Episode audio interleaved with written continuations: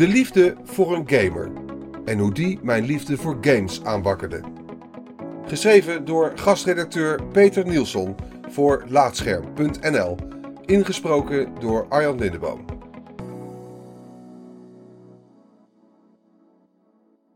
Toen ik klein was, nam ik de NES over van mijn grotere neef voor 15 gulden.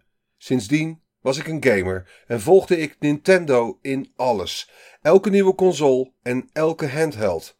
Altijd Mario, natuurlijk, maar al snel ook veel andere. Pokémon werd mijn leven, Zelda mijn religie en dankzij Metroid voelde ik me volwassen. Elke nieuwe generatie pakte ik mee. De GameCube kwam toen ik op het middelbaar zat en tijdens de Wii was ik aan het studeren. Dat was ook de tijd dat ik mijn eerste serieuze relatie kreeg. In combinatie met mijn studie en alle nieuwe dingen betekende het dat ik minder en minder ging gamen. Mijn ex hield niet van games. Ik herinner me één avondje Mario Karten, maar dat was het wel.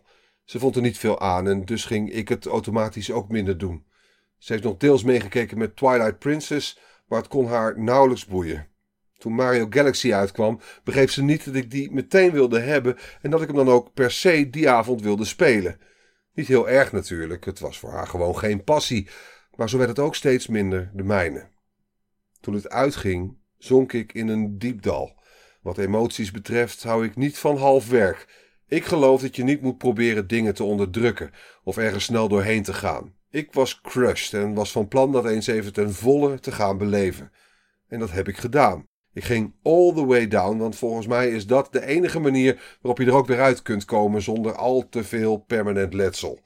Ik overleefde, maar stond op automatische piloot. Ging naar mijn werk, ging naar huis en had instant maaltijden. Tamelijk treurig allemaal, maar dat moest even zo. Toen ik na een paar maanden van diep zwelgen in verdriet grondig genoeg kreeg van mezelf, ging ik weer koken.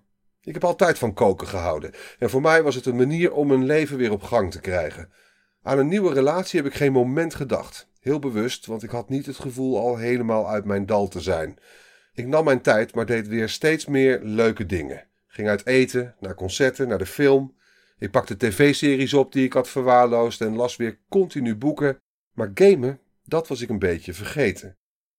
Tot ik me op een zaterdagochtend realiseerde dat ik geen plannen had voor het weekend. Ik ging boodschappen doen en besloot een Victory Lap te maken langs de gamewinkel. Ik kijk namelijk nog wel geregeld op gamesites en wist welke titels er uit waren gekomen de afgelopen tijd. Ik hield het bij, maar deed het niet. Daar was het nu weer tijd voor. Ik kocht Metroid Other M. Niet fantastisch, zoals ik wist, maar ach, als Metroid-fan. Donkey Kong Country Returns volgde snel en langzaamaan begon ik weer te gamen. In mijn eentje op de bank. Ik ben altijd een single player geweest. Online trekt me niet en behalve bij Mario Party of Kart hoef ik geen andere mensen in mijn spelwereld te hebben. Maar toch, alleen gamen vind ik eigenlijk niks. Ik merkte inmiddels wel heel bewust dat ik uit mijn dal was. In die tijd leerde ik haar kennen. Tijdens al onze niet-dates en uiteindelijk ook onze echte dates hebben we gepraat over alles. We hielden allebei van films, van koken, van muziek. En hoewel we op alle gebieden raakvlakken hadden, verschilden die precies genoeg om het ook fijn oneens te kunnen zijn. We hadden het ook over onze liefde voor games. Ik als Nintendo-fanboy, zij als echte PC-gamer. Ik vond haar spellen niks, zij de mijne niet en de uren vlogen voorbij. Ik kon haar al mijn mooiste game-momenten vertellen over hoe ik Charmander koos, over hoe ik Hyrule Field voor het eerst betrad, over mijn angstige momenten op Talon 4. Zij vertelde over Baldur's Gate, over Knights of the Old Republic, waar serieuze volwassen mensen wellicht hadden verteld over cultureel verantwoorde reizen die ze hadden gemaakt, vertelden wij over de gamewerelden waar we waren geweest. Mede daardoor ging ik elk moment dat ik haar niet zag en wel aan haar dacht, meer gamen. En ook als we bij elkaar waren. We hadden eigenlijk nergens tijd voor, want we waren alleen maar bezig met elkaar. Maar tussendoor gameden we. Dan lagen we allebei met onze 3DS op haar bed. Zij, haar geliefde Layton, ik Luigi's Mansion 2. Later gingen we allebei aan Animal Crossing New Leaf. Ik als fan van het eerste uur, zij aanvankelijk onder lichte, maar liefhebbende dwang. Samenwonen bleek een puzzel, dus pendelden we tijdelijk op en neer tussen Utrecht en Zeist. Virtueel deden we precies hetzelfde, maar dan tussen de dorpjes Duncton en Rosehip Village. We waren altijd samen en ik had minder tijd dan ooit, maar ik heb nog nooit zoveel gegamed. Mijn relatie met haar was als de ultieme uitnodiging om al mijn geliefde hobby's weer fanatiek op te pakken. Wanneer ik Skyward Sword speelde, keek ze mee. Of deed ze een merkwaardig spelletje op haar pc. En als ik dan vast zat in een puzzel, pauzeerde ze haar spel en zei ze: Oké, leg maar uit. Ze is irritant goed in puzzels. Portal 2 spelen met haar is voor niemand leuk, maar meestal kwam ik tijdens het uitleggen van de puzzel zelf ook op het antwoord. Zo konden we allebei door met ons spel. Zij tevreden dat ik niet zo goed was als zij, maar toch ook niet zo heel dom. Op mijn eerste verjaardag samen gaf ze mij The Last of Us. Voordat we de deur uitgingen om wat te gaan eten, wilde ik die game vast even aanzetten. Leuk, die proloog. Daar zaten we dan, samen te janken op de bank.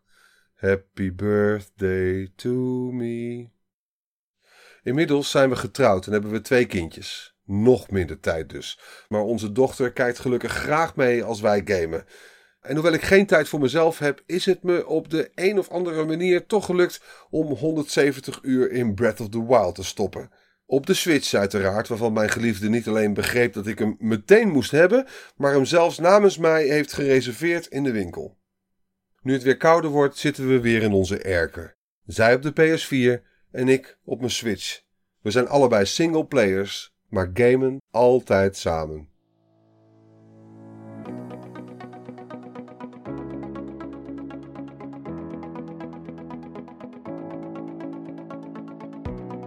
Dankjewel voor het luisteren naar Laatscherm voorgelezen. Als je waardeert wat we hier doen, dan zouden we het leuk vinden als je even een sterrenrating en een recensie achterlaat op Apple Podcasts of de podcastservice van jouw keuze. Abonneer je ook op onze andere podcast, Praatscherm. En ga voor deze en meer verhalen, geschreven of gesproken, naar laatscherm.nl.